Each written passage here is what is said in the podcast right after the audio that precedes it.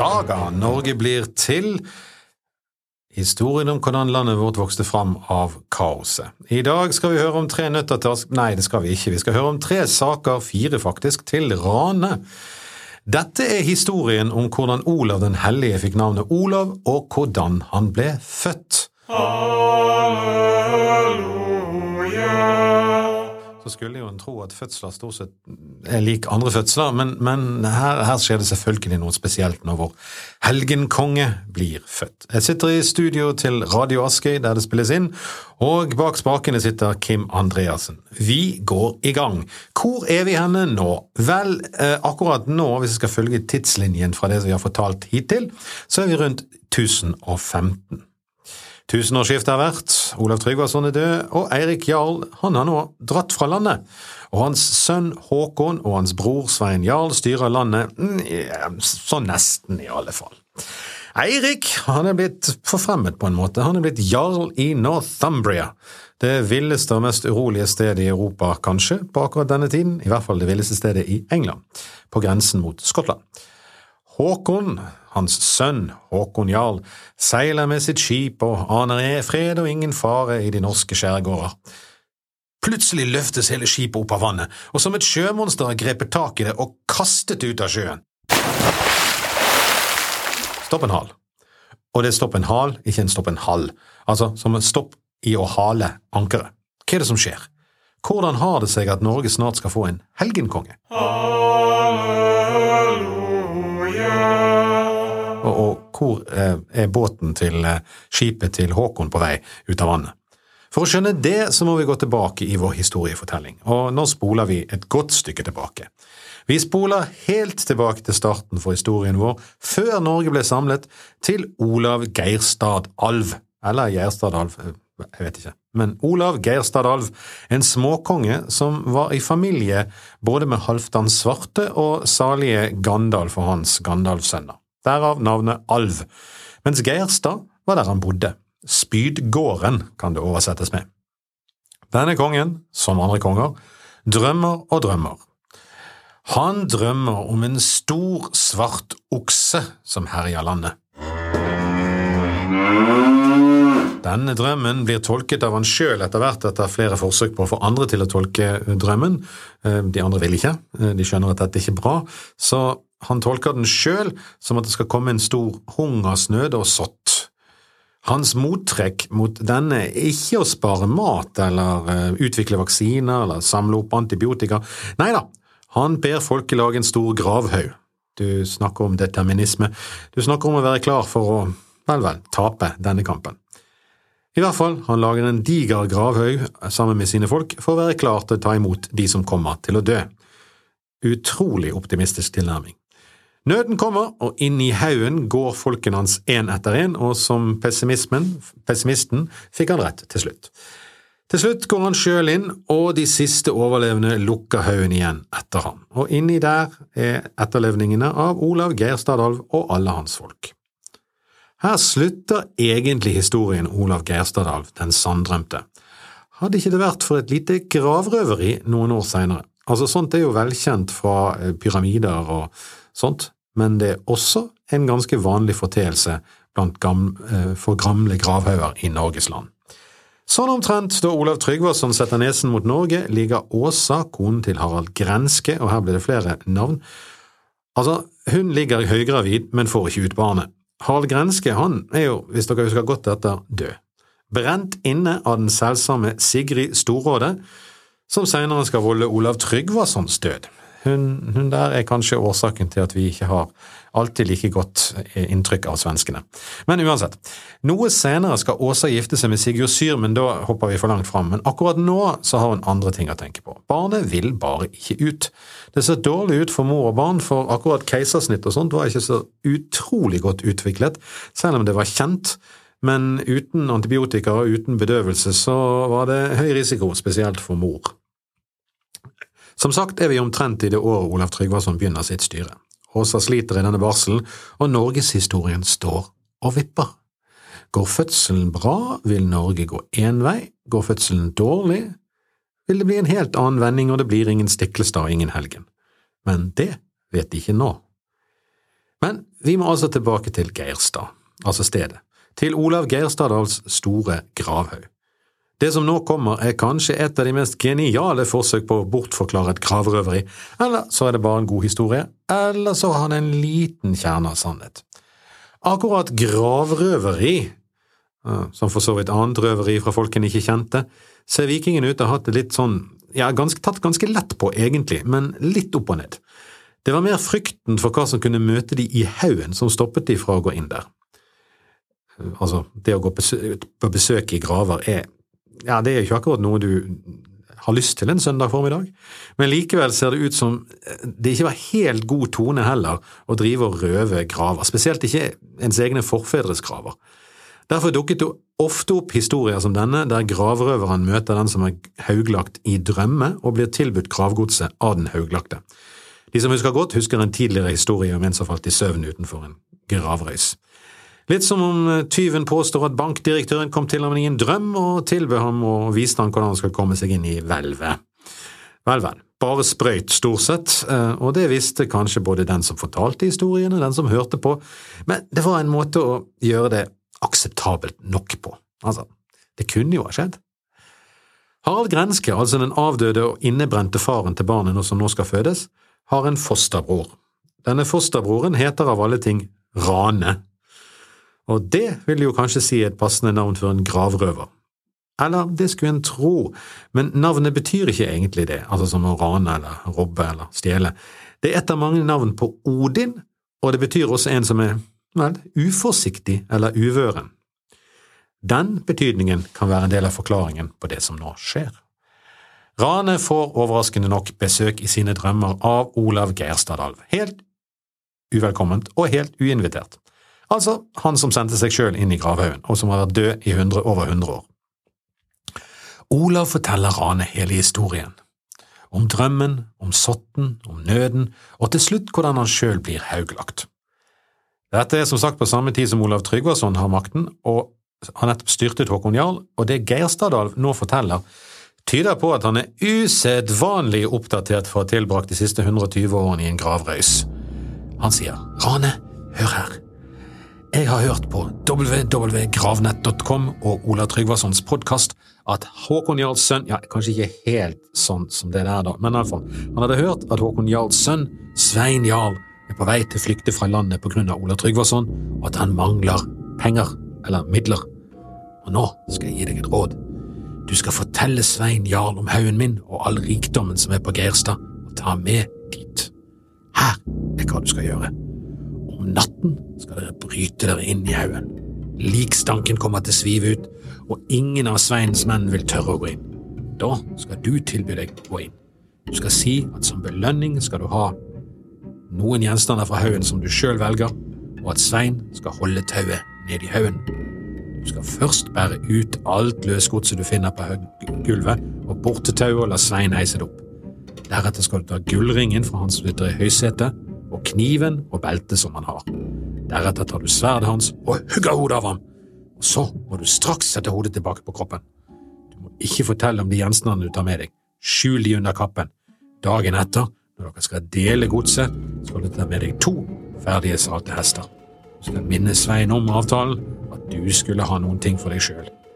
Hold deg litt på avstand, slik at de godt kan høre deg, men ikke få tak på deg. Løfter du opp sakene og sier avtalen var at du kunne velge disse tingene sjøl. Nå vil Svein si at du må komme nærmere så dere kan møtes, men det skal du ikke. Du skal flykte med dine to hester så fort du kan. Svein vil komme etter deg og skyte hesten under deg. Da skal du hoppe over på den andre og komme deg unna. Og deretter skal du dra opp til gården til Harald Grenske i Grenland. Altså, dette er jo den rene cowboyhistorien. Det er hester som blir skutt under, og du hopper over på andre hester. Jøsses. Det er sorg på gården, for Åsta ligger på gulvet og får ikke forløsning. Du skal tilby deg å se til henne. Deretter slår du beltdommene, så går det nok bra. Hun vil føde en gutt, og du skal gi ham navnet Olav etter meg. Ringen og sverdet Blesing skal han ha. Du skal så døpe deg og knytte deg til den unge Olav som hans trofaste følgesvenn. Det skal bli din lykke. Men det er veldig viktig at du gjør akkurat som jeg har sagt. Svett, urolig og redd våkner Rane med drykk. Hva er det som har skjedd? Denne drømmen var så livaktig og den gamle kongen så tydelig, men nå var alt vekk i morgengryen. Rane forhører seg litt rundt. Jo, jo, det stemmer, det, det er en stor haug etter Olav Geistadal, men ingen har turt å gå inn der. Om nettene forteller folk at de kan se mystiske lys der oppe. Andre har fortalt om en fæl stank som kommer ut av haugen. Rane tar en tur opp for å se sjøl. Det var ikke så vanskelig å finne haugen, og det var heller ikke vanskelig å se at den for det meste hadde fått ligge i fred. Det var velkjent at det kunne være store skatter i sånne hauger, så Rane bestemte seg for å hm, ta sjansen. Han finner Svein Jarl. Eh, forklaringen på hvordan han finner Svein Jarl er det ingen som har, men, men han finner han i hvert fall. Og om det var desperasjon eller hva det er for noe, Svein og hans menn blir med for å komme seg inn i haugen. Altså, om ikke annet, så er det jo en mulighet for rikdom.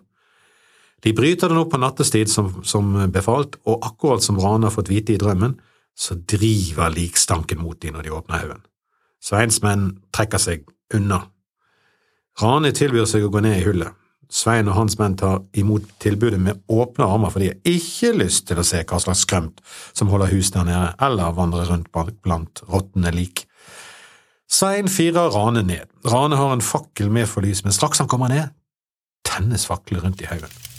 Han ser en stor samling sølv og gull og gods ligge i en haug midt på gulvet. Rane bærer det bort og sender det opp til Svein med tauet. Det blir en anselig mengde etter hvert. Så husker han hva drømmen fortalte ham, Hun går fram til mannen i høysetet, som omtrent bare et skjelett igjen av Han finner gullringen og kniven og tar av ham beltet. Ut av hjørnet på øya ser han noe bevege seg. Arnes hjerte stopper, og det går kaldt nedover ryggen på han. Liket rører på seg. Han står frosset et sekund og klarer ikke røre en finger. Så kommer han i hu hva Olav sa i drømmen. Han kaster seg fram, tar sverdet som ligger over den dødes fang, og han løfter det til hugg. Den døde reiser seg halvt i stolen, og nå begynner alle lysene å blafre. Hva er det som skjer, Svein? spør mennene hans utenfor, de kan se blinkingen. Jeg vet ikke. Rane, hva er det som skjer? Rane hugger mot den døde kongens hals. I det blinkende lyset hogger hodet tvert av. Like synker tilbake i stolen, og hodet ruller av gårde. Da er det som noen har trykket på en bryter. Lysene går ut med det samme, og han er i stummende mørke. Han hører bråk og uro i haugen. Det kan nesten høres ut som om de døde i haugen våkner, og de er ikke begeistret. Rane famler rundt på gulvet i mørket for å finne igjen hodet. Det er som han kan føle at noen eller noe kommer nærmere. Han kjenner en beinete hånd gripe etter ham og hodet. Rane river til seg hodet og snubler mot kongen i mørket. Nå er det fullt opprør i haugen, og han kan høre skrapingen av beinete føtter over gulvet og klirringen i metall fra gamle brynjer, sverd og skjold. I stummende mørke er det vanskelig å finne kongen igjen, men en liten lysstripe fra Sveins fakkel utenfor hulen gjør at han kan skimte høysetet. Rane kaster seg fram, men hun griper ham rundt ankelen. Han ser beinene fra det som en gang var en hånd, klemme hardt rundt ankelen. Rane sparker vilt og river foten løs. Han river hånden løs fra skjelettet og haster videre mot høysetet. Utenfor hulen rører det full panikk. De kan høre bråket fra graven og se at lyset er slukket. De siste av Sveins menn løper til skogs. Det er greit å slåss mot menn, men ikke mot skrømt og spøkelser. Rane merker skritt som kommer nærmere, med ett føler han som lufttrykket fra noen som snisser ham så vidt.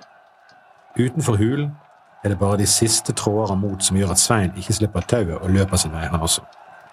Så blir det plutselig helt stille. Svein kjenner at noen rykker i tauet. Helt stille. Noe kommer opp av tauet til syne over kanten. Nå er motet til Svein oppbrukt, og han kaster seg vekk og løper mot skogen. Hei, stopp, jarl, det er bare meg, Rane. Ranes hode og kropp kommer forsiktig frem gjennom det mørke hullet i gravrøysen. Hvordan skal jeg være sikker på det, at du ikke er skrømt? Rane hadde nådd fram til kongen og satte hodet så forsiktig han turde på plass på kroppen. I samme øyeblikk hadde alt blitt stille, og høyfolket falt til ro igjen.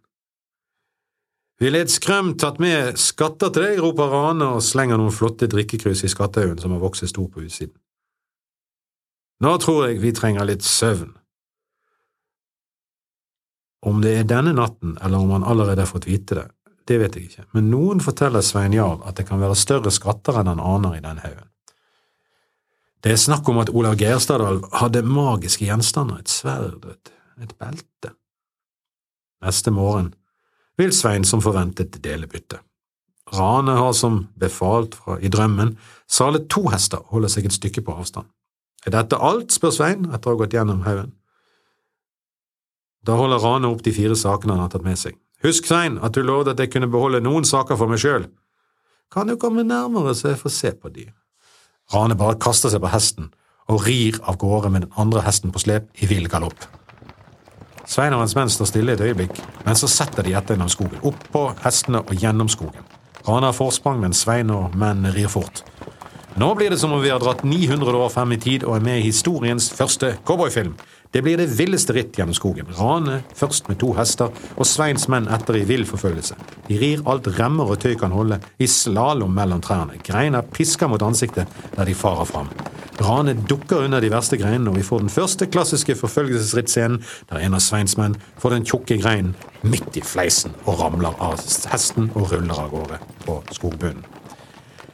Det er Sveins menn som er indianerne her. En av hans menn reiser seg i sadelen og skyter en pil som treffer Ranes hest. Hesten segner under Rane, men i samme øyeblikk hopper han over på den andre hesten. Han var forberedt på dette. Sveins menn snubler over den falne hesten, og Rane slipper unna. Han drar strake veien til Vik, der Åsa ligger i barsel. De kjenner han på gården som husbondens fosterbror, så han slipper inn. Når han sier han skal se til henne, er de litt undrende, det er vanligvis kvinnfolks jobb å se til slikt men han får forsøke, for her nytter tilsynelatende ingenting.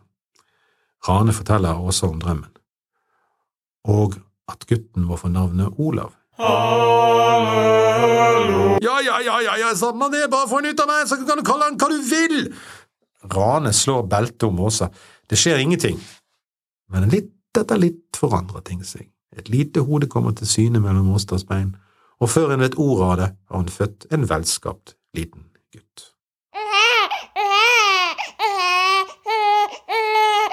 Slik ble Olav Haraldsson født, og slik fikk han sitt navn.